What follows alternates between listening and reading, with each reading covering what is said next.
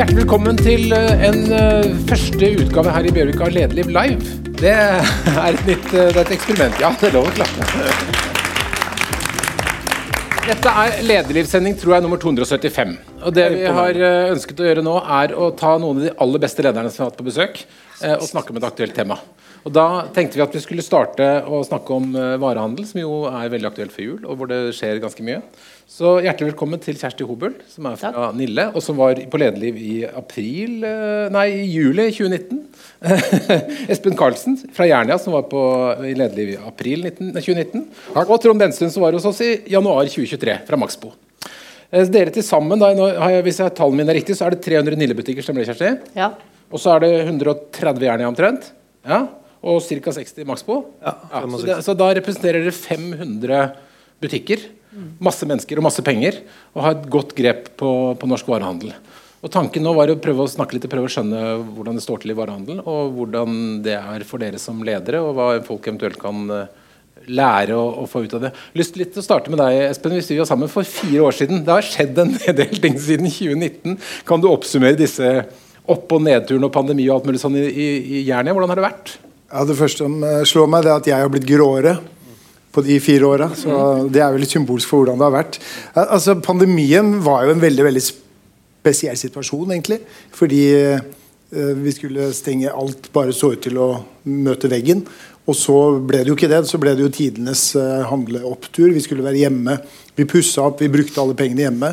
Vi gikk jo ikke på restaurant. ikke sant? Så andelen av folks økonomi gikk jo til eh, å bruke hjemme. Det, så vi var jo en av covid-vinnerne. Eh, og så åpner Norge opp, og da skal vi kjøpe klær igjen. Vi skal i bursdager, brylluper, vi skal reise, vi skal gjøre alt det vi ikke gjorde. Så det gjør at da kom det plutselig en sånn voldsom jeg kaller det for koronarekyl, som bremsa opp vår type omsetning. For da har vi jo vært hjemme lenge nok. Eh, og så kommer det jo tidenes kostnadspådrag. Eh, Med pensjon fra første krone, høy inflasjon som gjør at husleiene våre stiger. Fordi vi som er på kjøpesentre og leier, vi har jo inflasjonsjusterte leier. Eh, og så øker arbeidsgiveravgiften, og i tillegg så svekker krona seg. Sånn at det vi skal selge blir dyrere, og kostnadene øker. Og kjøpekraften til kundene våre går ned. Så det er en veldig interessant cocktail vi er i nå. Det har ikke vært så kjedelig i år, da. Nei, det har ikke vært kjedelig. altså. Så vi har liksom, så hvis man skal snakke om ledelse, er det jo Det har i hvert fall vært situasjonsbestemt ledelse som har vært tingen. Kjersti, du har gjort mye på de årene siden vi snakket sammen sist. Det er, færre Nille-butikker. Ja eh, jeg visste ikke at det var så lenge siden vi hadde snakket sammen. Men eh, tida går veldig fort, og når du jobber med ting du syns er gøy, så går det kjempefort. I Nille i 2018, inngangen til 2019, så var vi eh, nesten 400 Nille-butikker. Og det sier seg selv 400 butikker i Norge. Da ligger butikkene mange steder veldig tett. Så vi var nødt til å lage en plan hvor vi stengte de minste butikkene. fordi da kannibal, Ellers så kannibaliserer bare butikkene på hverandre. Og dere vet, Vi må ha husleie og må alltid ha én ansatt i butikk. Så kostnadsnivået på butikken, selv om omsetningen kanskje synker eller er flat, kostnadsnivået øker.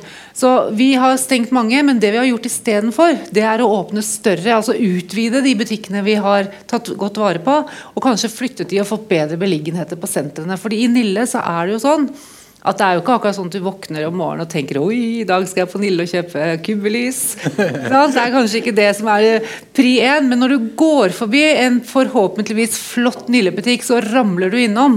For da kommer du på at du skal ha noen gjester, eller der er A, eller du får lyst på noe du ser på, eller bare et eller annet du har lyst til å teste ut. Så for oss så er, handler beliggenhet på spesielt kjøpesentrene er ekstremt viktig. Men du har da ringt eh, antagelig 100 butikksjefer og sagt at vi skal ikke ha butikken din mer. Hvordan har det vært? Det har jo vært en utfordring, men heldigvis når vi har så mange butikker, så er det veldig lett å kunne overføre til å tilby en annen butikk. Og det er, det er jo altså, Varehandelen i Norge er jo det stedet hvor flest unge mennesker har sin første arbeidsplass. Så vi har mange deltid og mange som er innom som studenter i en kort periode.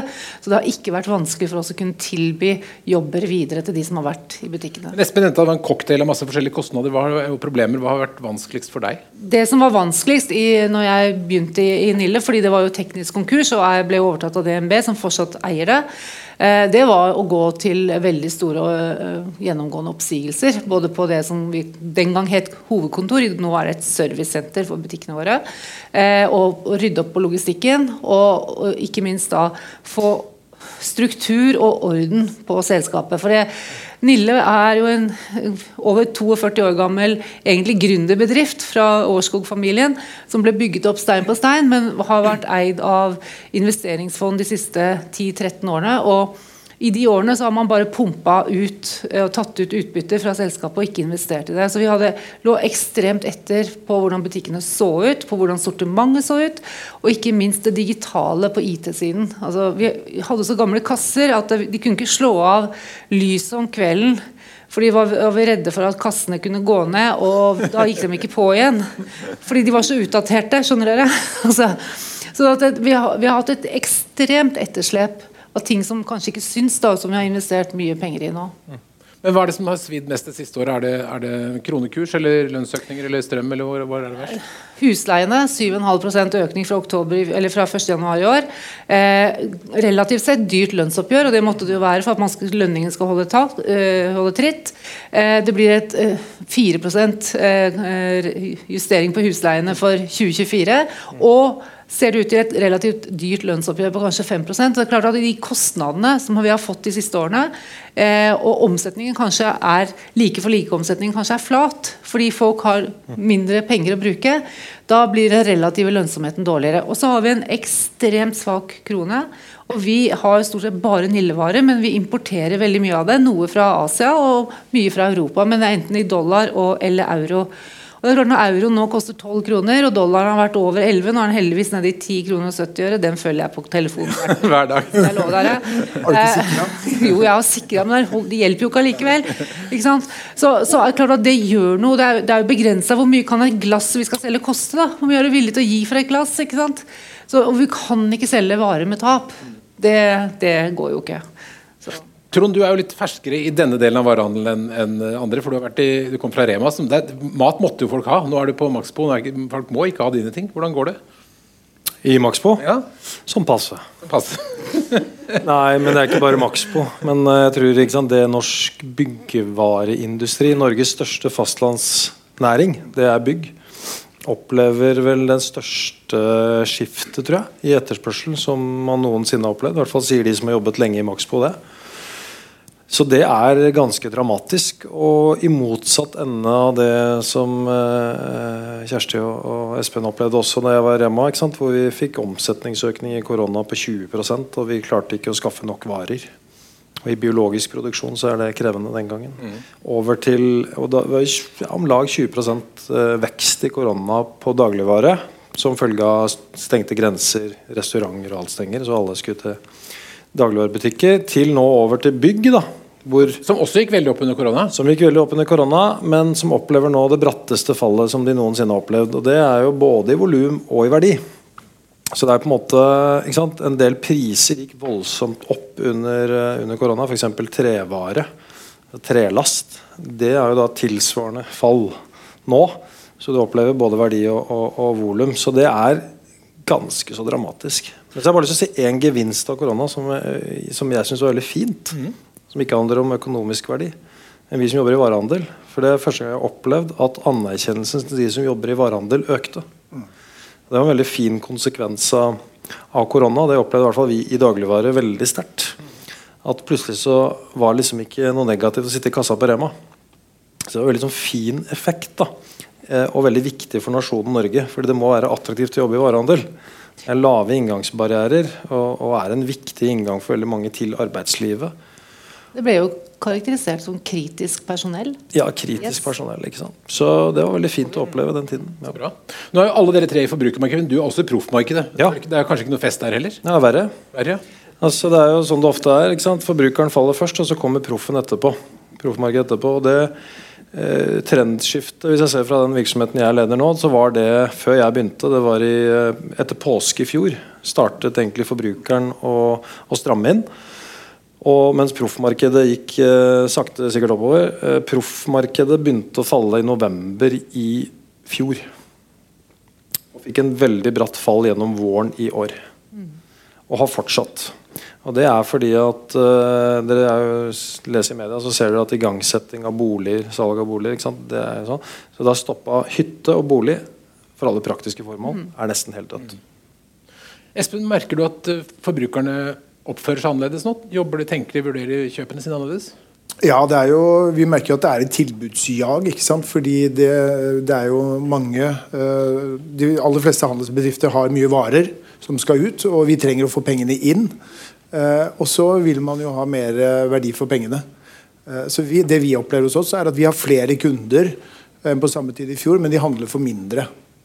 Så, så det, det, ser vi. De kjøper billigere ting og trader ned. Mm. Er det mer enn nøling også?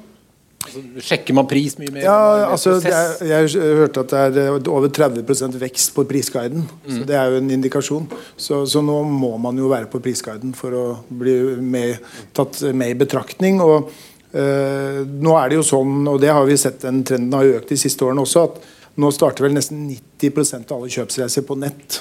Mm. Uh, og Hvis ikke du er på nett med konkurransedyktige priser, så blir du ikke vurdert.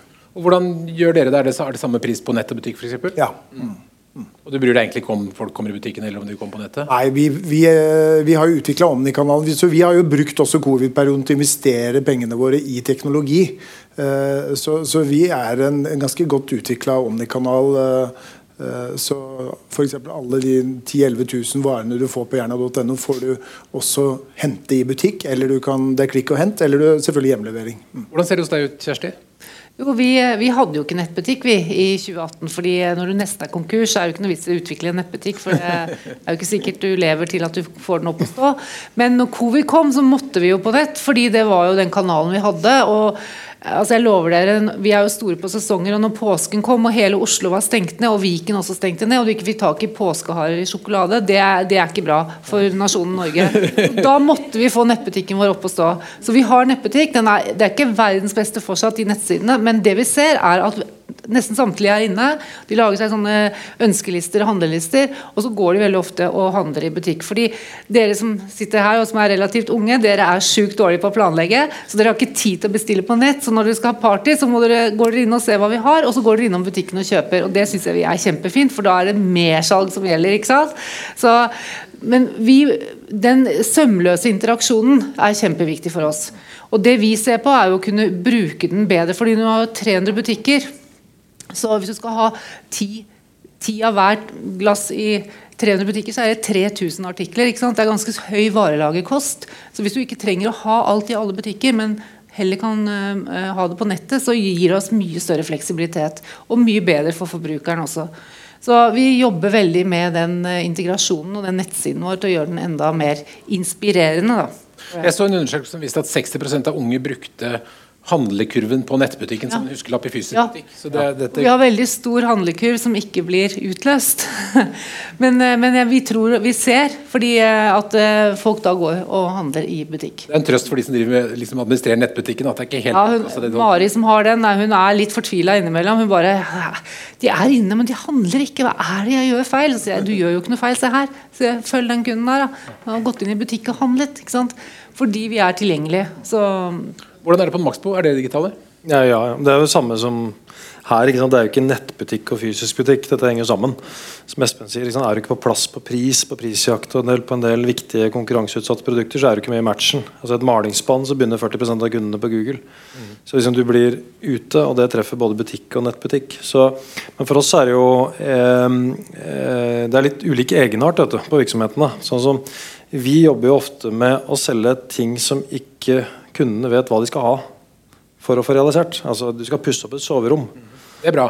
Ikke sant? Eller, da må de spørre. Ja. Så det er veldig mye betjent salg fordi eh, kundene lurer på hva de trenger og hvordan de skal gjøre det. og alt Det greiene der. Det er liksom ikke bare å gå inn og ta en pakke med, med spagetti. Så det er jo litt av utfordringen i nettverden nå. Det er å overføre den kompetansen inn i det digitale universet. Eh, så det jobbes det mye med. Vi er brukbart eh, modne vil jeg si, eh, på nettet ut mot kunde, men langt fra modne nok i forhold til å ta ut effektiviteten av dette her i, i, internt. Da. Så vi er fortsatt for manuelle bak. men ser ganske digitale ut ut mot kunde. Så lenge kunden ikke merker det, så er det Ja, greit. kunden først, ikke sant. Så, så det er noe bra. Men, men selv innen byggevare, og jeg tror egentlig byggevare ligger ganske langt bak mange andre bransjer, så begynner det å spille en viktigere og viktigere rolle i hele kjøpsopplevelsen. Men du har jo da masse medarbeidere som har vært vant til at kundene bare står i kø og skal ha varer, og så må du plutselig bli litt mer selgende. Hvordan, Ja. Hva krever det av deg? Altså Det å gå fra ekspedisjon til salg, det tror jeg veldig mange virksomheter, ikke bare innenfor varehandel, men jeg tror generelt opplever at det er en ganske stor kulturell transisjon. Fordi hvis du opplever at liksom, etterspørselen er så stor at du har mer enn nok med å liksom, bringe ting fram på bordet, så blir en organisasjon og kulturen blir latere. Så jeg tror veldig mange opplever at de står nå i hvor de må flytte folk over i å begynne å selge varer igjen. Og vi gjør i hvert fall det. Det holder ikke når folk eh, kjøper et spann med maling og sier 'trenger du noe mer'? Da må du si at du har huska på pensel. Og? Det, det er å komme over i det moduset der, så det jobber vi ganske mye med om dagen. Både i proff og forbruker. Det tror jeg mange andre jobber med også. Så der vet du hva korona jobba mot salgskultur. vet du. For da ble det mer du må bare skaffe nok varer bare få det ut. Så, sånn at uh, Salgsfokus er en av de viktige sånn, kulturelle tingene som, vi må, som jeg i hvert fall har øverst på min liste om dagen. Men Espen, når, når folk i, i, som jobber hos deg og, opplever at det, det blir tyngre, og du må snakke mer om nedgang, du må kutte osv., hva gjør det med moralen og følelsen av å jobbe i Jernia? Ja, øh, altså Det er jo alltid krevende fordi de som er i butikk, de merker jo at eh, kundene ikke er der. Eh, men, eh, men det handler jo egentlig om å ha en grunnbemanning som er fleksibel, sånn at vi ikke har for mange på jobb til enhver tid. Så, så vi har jo, Det er jo noe vi har jobba med i mange år hele tiden. Eh, Så det er ikke noe som vi har gjort akkurat nå. Nå handler det om å tilpasse bemanningen. Men Blir de liksom frustrert og lei seg av at de står der? Eller? Ja, altså, ja, Alle gode kremmere blir lei seg når det ikke kommer kunder. Ikke sant? Så, så det er jo det. Eh, Men vi har flere kunder eh, enn vi hadde på samme tid i fjor. Eh, Men de handler for mindre, så vi må jobbe enda mer med Det er samme som vi har. Akkurat det samme. Ja. Flere Flere kunder, folk, flere penger. Ja, så de kjøper, de kjøper for mindre, så det gjelder på en måte å få dem til å kjøpe flere ting. Mm. Så da er det, og da er jeg glad for at vi har utvikla en salgskultur og hatt det over år. Og jobba som og har ambisjon om å være en faghandel og gi kundene den beste hjelpen. Fordi vi selger ikke enkeltprodukter, vi selger løsninger. Så når du skal male et soverom, så er det ikke bare maling du skal ha, men det handler egentlig om å fortelle hva du trenger og hvordan du skal gjøre det, og dette må du ha med. Eh, Så det er, det er det løsningssalget der som, eh, eh, som vi, vi må ha på plass. Men Du har sikkert vært foran dine medarbeidere og sagt liksom, sånn skal vi løse problemet. Kan du sammenfatte strategien deres? Hvordan skal Jernia bli en lønnsom bedrift fremover? Nei, Det handler eh, jo om å krige om å ta markedsandeler. fordi det er bare én måte å ha vekst på i et fallende marked, det er å ta markedsandeler. Så det betyr at vi må ha enda skarpere priser, være tilgjengelig der eh, i, i nettkanaler med de riktige prisene og ha de riktige varene. Eh, og så er det, som du var inne på, Kjersti, det er jo det med at vi eh, utnytte eh, nettkanalen vår, eller Omni-kanalen vår, til å ha kall det bestselgerne i butikk, og så liksom sidesortimentet litt på sida. Så det er jo den tilpassingen står vi i nå, ved å kutte litt av halen og bredden. og Sånn at ikke vi får, ikke sant, Når det er 134 butikker, så blir det stor kapitalbinding. Så det å hele tiden å slanke den delen, og samtidig ha nok av bestselgerne. Så det er den tilpasningen vi jobber, jobber med om dagen. Kjersti, er det akkurat samme strategi du har, eller gjør du noe annet? Hos oss har det jo vært eh, Det er jo ikke lenge siden vi var teknisk konkurs. og det er klart at Folk som jobber hos oss og som har vært med i noen år, de har jo med seg en ryggsekk, mental ryggsekk som eh, liksom det slår inn Wow, går det dårlig med Nille igjen nå? Så for oss så handler det nå veldig mye om kommunikasjon og informasjon på hvordan går det egentlig.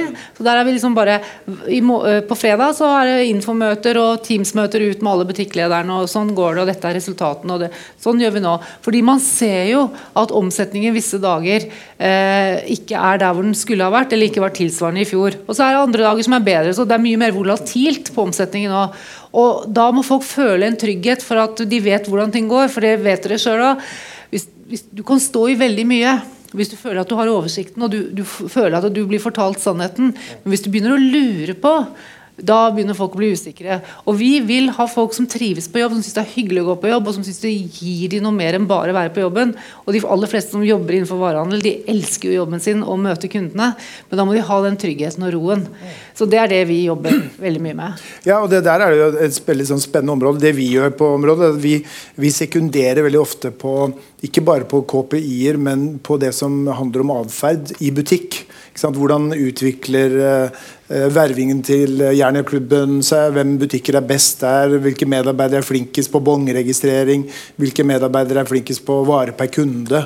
Så, sånn vi, heier? Ja, vi heier på det å ta fram og ha konkurranser. Mm. Uh, salgskonkurranser hver måned, og jeg sekunderer på video. Vi har en egen, vi bruker Motomate, som er en egen sånn intern app.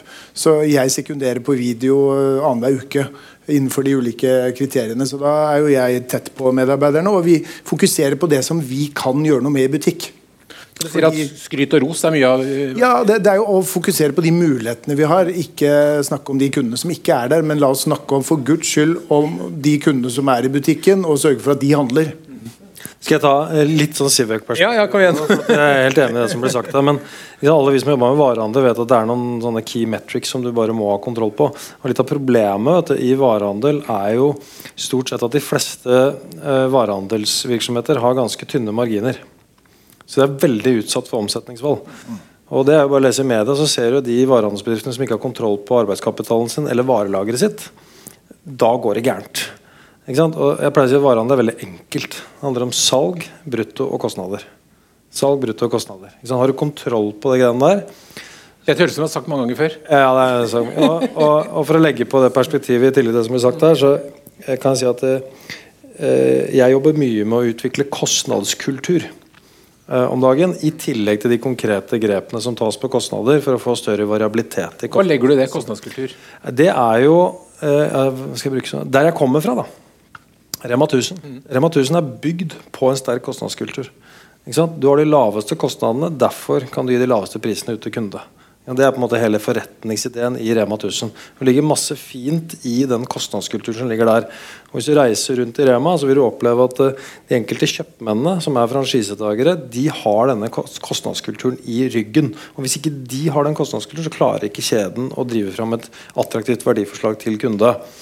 Eh, det, mye av det tar jeg med meg inn i den jobben jeg har nå. For vi trenger å utvikle denne kostnadskulturen i alle leddene våre. Synliggjøre kostnaden og synliggjøre hvordan det enten promoterer at vi har et attraktivt verdiforslag, eller ødelegger det.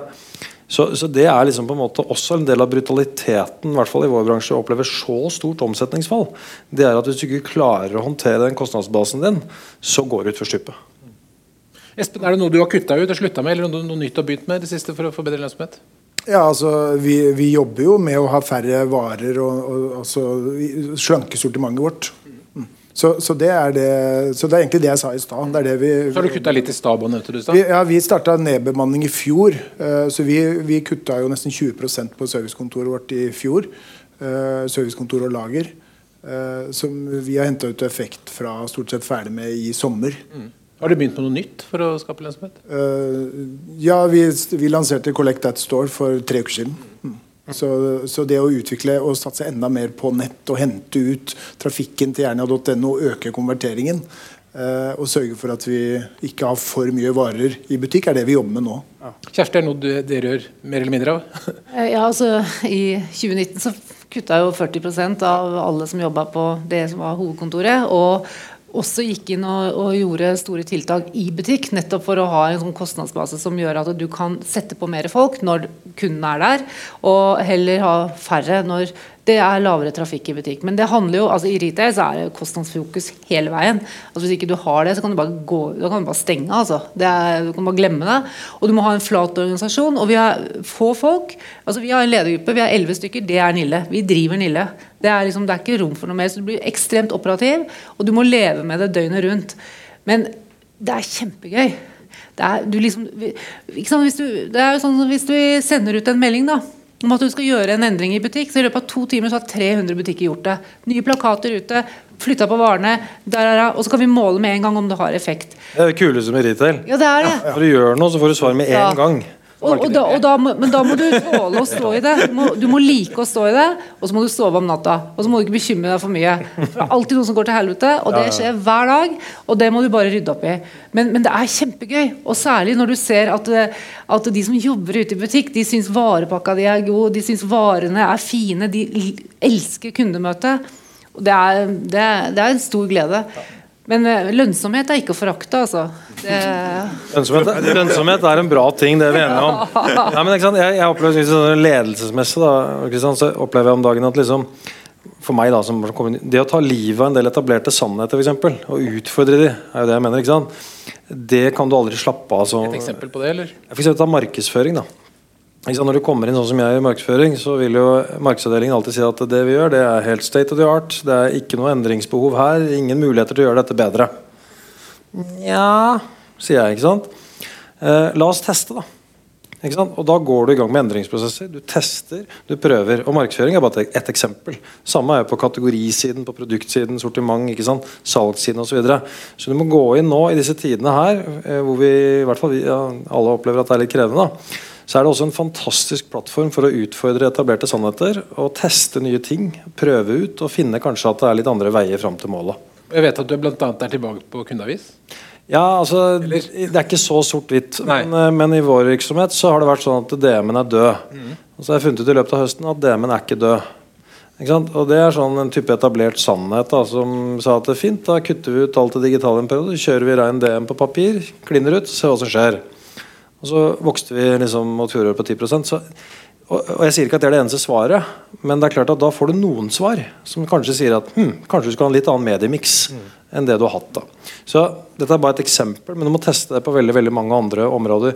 Kategoristyring er f.eks. et område vi er, ligger bak en del andre bransjer, varehandelsbransjer på.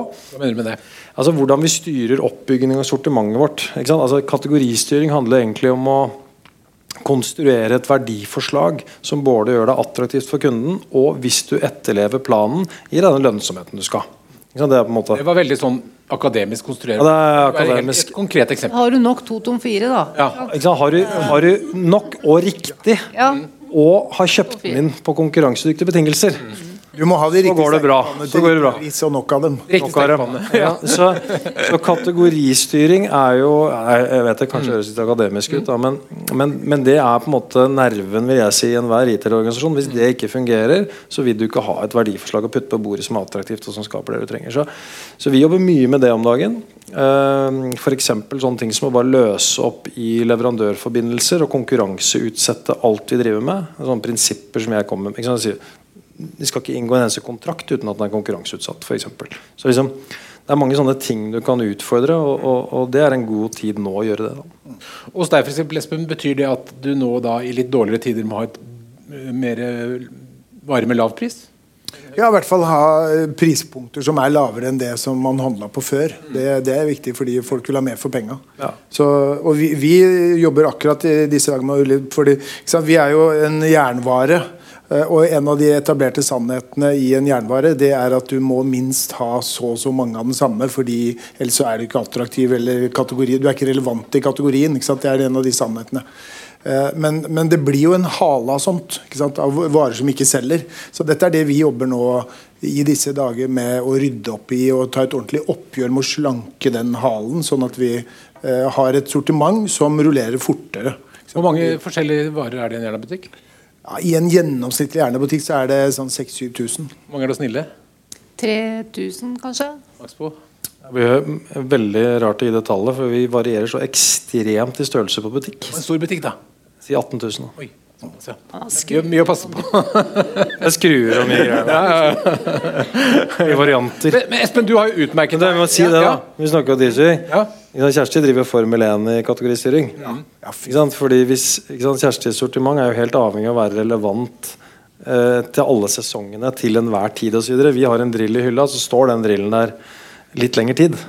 Mens- 17. mai-flagget det selger du ikke 18. mai. ikke sant? Det, det er, Det er Formel 1 det vi driver med. Ja, ja, ja. Altså, du kan, ikke så treffer du feil i Nille, så får du mye ukurant. Men vi må kjøre litt Treffer ikke feil. I disse Formel 1 dager-. I disse dager må vi kjøre litt Formel 1, vi òg.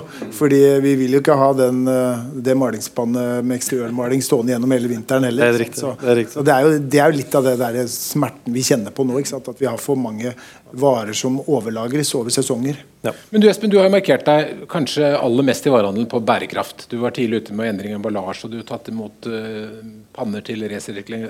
Gir det noe effekt i markedet? Uh, Det er, det er veldig sånn vanskelig spørsmål å svare på. Eh, fordi, men hvis vi ser konkret på hva er det som har skjedd, så er det sånn vi selger flere kjeler og panner med en høyere andel resirkulert metall nå enn vi gjorde for fire år siden. Da var det omtrent null.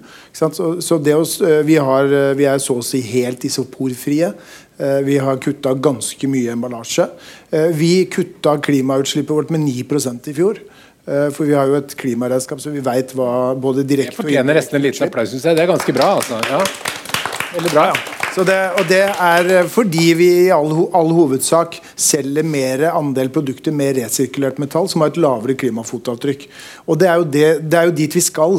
Fordi det er ikke bare Jonas Gahr Støre som skal kutte klimautslippene våre med, med, med 50% 55 det, det må vi òg. Og det betyr at kundene det kundene kjøper i 2030 skal i prinsippet ha 55% lavere klimafotavtrykk enn det har i dag.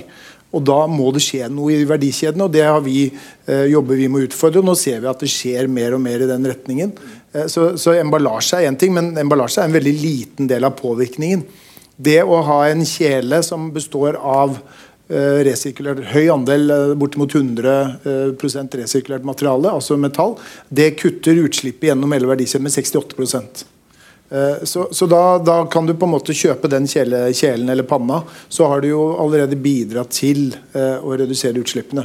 Og Det er for meg liksom smak av fremtidens varehandel. Det at vi selger, at vi eh, selger mer reservedeler, sånn at folk faktisk kan reparere tingene sjøl, det, det er jo litt av den forretningsmodellen dere har òg. Enn å kjøpe bare sånn Vi skal jo bort fra bruk- og kastsamfunnet over i ta vare på-samfunnet. Og vi skal hjelpe kundene våre på den veien. Fordi vi kan ikke drive og kaste bruke og kaste sånn som vi, vi gjør nå. Er Nille-kunden opptatt av bærekraft? Ja, absolutt. Og, vi har jo klart å, å altså Den tradisjonelle Nille-kunden i 2018 var en dame på 45 pluss. Nå er det en kvinne på 25 pluss. Så vi har klart å gå nedover i alder. Og det er viktig for oss, fordi det er morgendagens forbrukere. For de andre, etter hvert så dør jo kundegruppen vår ut. Så, men for oss har det handlet om at eh, i 2018 så sourca vi nesten 75% fra Asia. Nå er vi under 40 Jeg er ekstremt opptatt av å finne alternative leveranser. Eh, europeiske, norske. altså Alle kubbelys alle sånne tvista lys, de er fine. Kjempefine, vet du. Eh, de er norskproduserte. Eh, På Tyrelys ved Krøderen. Kortreist, bærekraftig. Og vi driver også nå og tester ut at du kan levere inn du vet Når du brenner et kubbelys, så kan du ikke brenne det helt ned, for da tar du jo fyr ikke sant, i bordplata eller hvor du har det. Og da, De fleste de der stumpene går jo i søpla, men nå kan du levere de inn akkurat som du leverer panteflasker eller tekstiler. Og så går de tilbake til Tyrelys, og så bruker de det til gravlys og til fakler og den type ting. Sånn at vi får en sånn sirkulær økonomi. Og Det jobber vi mer og mer med, og vi flytter mer og mer produksjon til Europa. Fordi Nille er ikke lenger sånn bare Nille billig, billig, billig. Det er også at vi har eh, varer av god kvalitet til eh, god pris, sånn at du føler at du får verdi for pengene. Men jeg, jeg har ingen tro på at du kan fortsette å pushe sånn kjempe, kjempebillig. Og jeg syns personlig at det er veldig synd at det vokser opp enda nye kjeder som har fokus på å selge varer fra 5 til 50 kroner. Da kan du tenke deg ah, hva det altså, Det skjønner jeg liksom ikke helt. Men uh, Eller at folk skal kjøpe dyre ting som de beholder lenge? ja, færre, men litt dyrere ting. Jeg tror egentlig altså, det, det er dit vi må. Absolutt. Hvordan er det med virker dette Er vi på reklameseksjonen? Nei, nå er vi på bærekraftseksjonen. Ja, du kan Du vet, reklamere. oss er Det er lov å skryte. Det er ingen begrensninger her. Du Kan vi skryte? Ja, skryt på. Ja. Nei, men ikke sant, Det er jo flere faktorer. Jeg tror alle er enige om megatrenden og what's the right thing to do. Og så er det hvordan man øh, tilnærmer seg det. Altså Vi har jo sluttkundetilbud. ikke sant? Folk har begynt å resirkulere parketten sin. Det er mange ting rundt resirkulering som er bra, og som vi bidrar til. Og så er det ganske stort push fra store kunder. Det er drevet av regulatoriske. Så når liksom de store boligutbyggerne eller de store næringseiendomsutbyggerne skal bygge, så får de påført krav, som igjen kommer til oss. Som igjen driver hele byggeindustrien i Norge i riktig vei. Da. Det er kanskje det som har størst impact fra, uh, fra, fra vårt ståsted. Og så er det jo det å hele tiden jobbe med, med forbrukeren. Vi jobber jo kategorimessig med alle produkter, malingstilbehør, bla, bla. Alt det greiene der, så har du liksom varianter som har et bedre si, klimastempel. Uh, miljøstempel enn en historiske produkter uh, har hatt. Da. Det, det som kan være utfordringen nå om dagen, det er at jeg så noen indekser liksom, hvor folk Nå er det penga som teller. Mm. Og Vi snakker om at de trader ned osv. Det betyr at dette perspektivet kan også falle litt i prioriteringsrekkefølgen til de som handler varer. Men at, der tenker jeg at vi, det er jeg litt nysgjerrig på. Der tenker jeg at vi har et ansvar. Eh, selv om folk trader ned, så betyr ikke det at ikke produktet kan være bærekraftig, eller at du har det med i sourcingen. Eh, ikke sant? Så det er vårt ansvar å ta og hensynta det. Og så tenker jeg at eh, vet du hva, Hvis det blir for billig, så får det bare være. Det får bare være. Da får vi la være det, det, får være grenser for hva man skal ja, Det er jo sånne valg vi må ta, ikke sant? Ja, men jeg mener det. det og, og, og, vi, mist, vi, har mista de der skattejegerkundene. Eh, de der damene som skal ha ting som ikke skal koste noen ting. Men, men fine, da får de gå et annet sted. For det kan vi uansett ikke leve av. Og jeg skjønner ikke hvor folk skal kjøpe ting bare, som er stygt bare fordi det er billig nok, liksom. Jeg skjønner ikke det. Jeg har aldri forstått. Så. Espen, eh, ledelsesmessig, hva krever det av deg å være en god leder i, i denne fasen? Nå krever det å være tydelig. Vi, det handler om å ha, Hvis man står midt i en endring, så handler det om å ha en god endringshistorie. Hva er det vi skal? Eh, og snakke om det som vi skal gjøre, og mulighetsrommet og det vi kan gjøre noe med. Uh, og jeg tror alltid som leder på the power of why. Ikke bare hva vi skal gjøre og hvordan vi skal gjøre det, men også hvorfor. Sånn at alle forstår, etablerer Fordi alle er jo, de aller fleste mennesker er jo, er jo tenkende individer. Og det at du forstår hvorfor vi skal gjøre det, det tror jeg er veldig viktig. For det mobiliserer handling. Og da blir det ikke da Når du får forstå hvorfor, så blir det eh, mye mye lettere å gjennomføre. Da. Mm. Kjersti, hva tenker du om lederrollen din i den rollen nå, eller situasjonen nå? Jeg tror det er ekstremt viktig å være veldig tydelig, ærlig, klar og stå trygt. Og liksom å gi den tilliten som folk fortjener å ha i selskapet. Særlig med den historikken eh, i nær fortid som vi har. Og ikke minst si at nå handler det om å trø vannet dette året her, kanskje også neste år. Fordi det fortsatt altså det flater ikke ut, og, og, rentene kommer ikke til å synke ned på de nivåene de var, men de kommer antageligvis til å stabilisere seg på et litt, no, noe høyere nivå. Så, så vi, vi, må bare være kloke og gjøre gode valg. Og, ikke, og Er det noen gang du trenger å holde deg til strategien din, så er det når det blåser så innmari fra alle kanter som det gjør akkurat nå. Og så får du heller finjustere litt hvis du ser at du trenger det. Men det å, som leder nå å stå støtt og gi tillit internt i selskapet, det tror jeg er alfa og omega. Og hvis jeg begynner å, å vingle, hvorfor skal andre tro på det da? Så, så jeg er veldig opptatt av det. At det vi sier, det vi kommuniserer, det er det vi mener. Det står vi for. Trond, har du en... Jeg kommer alltid til slutt. Ja, ja du, er, nei, du, skal få lov å komme til først etterpå. Men... først, og så kommer jeg til slutt. Ja, fordi at du, du kan, for du har så mye klokt å si. Dag. Du kan komme liksom toppe det hele med enda ja, Jeg sitter bare og tenker på hvordan skal jeg si noe som de ikke har ja. Jeg er enig, enig i det som blir sagt, da. Men jeg, men jeg tror Kanskje litt understrekende, men det er jo eh, alle kan være medvindssupportere. Og det, liksom når alt flyter, så, så flyter det. Men det er nå. Eh, folk vil ha tydelig ledelse. Jeg tror bare legge på én ting som jeg er opptatt av. Det er liksom å rydde unna ting òg. Ikke bare snakke om eh, Jeg er helt enig og tydelig på hva jeg skal gjøre også, men det må også rydde unna ting som ikke er viktig. Så Det er en viktig, viktig prioriteringsoppgave å oppleve om dagen. Og I tillegg dette med å, å, kommunisere mer enn du tror. da. Det er, eh, det er helt avgjørende.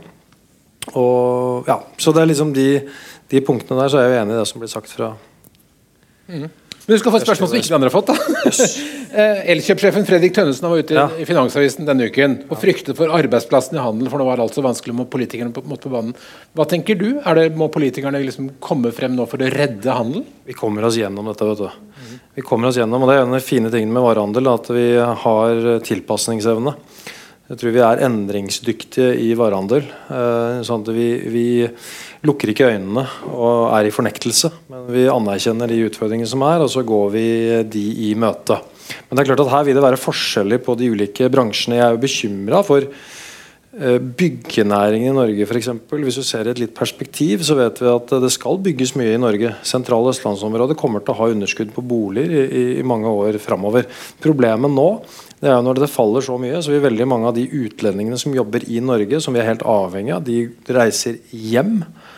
Og når de skal tilbake igjen, hvor ville du jobbe? Vil du jobbe i Danmark med den valutakursen som de har mot danskene, eller i Norge? Jeg ville valgt Danmark. Så det som skjer nå, da, det kan på en måte gjøre mye på kompetansesiden og kapasitetssiden på byggenæringen. Det er det jeg ser. Innenfor handel så tror jeg at, uh, tror jeg at vi, vi, er tilpasningsdyktige, og det er litt ulik uh, valør på de ulike bransjene osv. Så, videre, så jeg tror man kommer gjennom dette. Altså. Hva tenker dere? Er det fare for handel? Nei, Det er ikke fare for handel, men det kan bli avskalling. Og at enkelte som ikke har god nok eh, økonomi og god nok cashflow altså Det er likviditeten som tar varehandelen nå. Mm. I form av at du bygger opp varelager, at du ikke får solgt varene dine, at du har for høye kostnader. Og, ja. Så det, det, er en cocktail der. Som må, så at noe skjer, det tror jeg på. Men da er det for sånne som meg da, som ser mulighetene. For hvis det blir ledige lokaler som jeg har lyst på, sant, så kan vi ta de. Så du må alltid du må tenke muligheter, og tenke muligheter fremover. For hvis du fokuserer bare ensidig på problemene, så tror jeg da, da blir vi stående igjen på perrongen, og så får vi ikke noe innovasjon i selskapet. Så det er liksom det å gi gass og bremse samtidig. Har man likviditet, så har man styringsfart. Ja, da, det har man. Ikke sant? Det er jo det som er clouet. Fordi jeg, jeg, pleier å si at Vi, vi, vi tilpassa oss jo ganske godt uh, covid. Uh, nå er det en annen markedssituasjon, og den må vi også tilpasse oss. Og så gjør det litt vondt i den tilpassingen, og, og, det er en del ting vi må gjøre. Men det er jo det det handler om, for nå er det et annet markedsgrunnlag, og da, da må vi tilpasse oss det. Vi går mot slutten. Vi må ha noen julegavetips. Vi må liksom få folk til å handle litt hos dere. Hva bør man kjøpe på Maxbo til altså, jul? Altså, vi er ikke noe sånn typisk julegavested, men uh, pizza Mot om fire til fruen? P pizza, altså, det er jo, vi har veldig mye pakker til handy, uh, både menn og kvinner, vi. Uh, men jeg tror det vinnerne hos oss er jo sånn type pizzaovner og den type ting. Er jo, er jo populære julegaver, da. Pizzaovn? Pizzaovn tror jeg blir en hit i år òg, faktisk. Mm. Og Nille? Ja, det er noen fantastisk deilige varme pledd som er veldig gode å ha. Og så har vi noen lammeskinn. Norske, norsk pelssau. Født og oppvokst i Norge.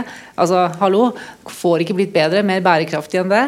Og så er det et utall av flotte ting som du kan kjøpe som ikke koster det hvite ut av øyet. Som du kan... du bli for billig? Ja, ja men jeg, ja, jeg, har jo bare egne Nillevarer, ikke sant? så det her blir veldig fint. Så det er en gavebutikk. Og på Jernia, hva skal man kjøpe der? Nei, Jeg vil jo slå et slag for uh, at eh, det er nå man skal kjøpe seg kunstig juletre. Ja. Uh, jo, er det bærekraftig? Ja, fordi det er trær med over ti års garanti. Uh, og, og, du kan reparere det hvis det skulle gå noen pærer osv. Og, så og det, det tjener du inn klimamessig etter syv vanlige juletrær. Uh, så det er det ene. Og det andre er at vi har et fantastisk kjelesett 100% resirkulert aluminium ikke bare til en god pris, og du reduserer klimafotavtrykket med 68% Veldig bra. Eh, de som vil vite mer om hva dere mener om ledelse, kan jo da lete i Lederlivs eh, etter hvert ganske store arkiv og høre intervjuene for den til den gang. Så det er kanskje gøy for dere å gå tilbake og høre om dere har endret mening på noe på de siste årene. Men i hvert fall, hjertelig tusen takk for at dere kom til Lederliv.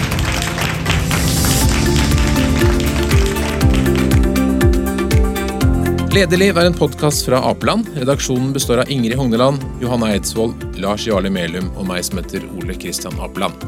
Og du er hjertelig velkommen til å sende ros, ris, tips om ledere eller hva du måtte ønske til ole.apeland.no. Takk for at du lytter.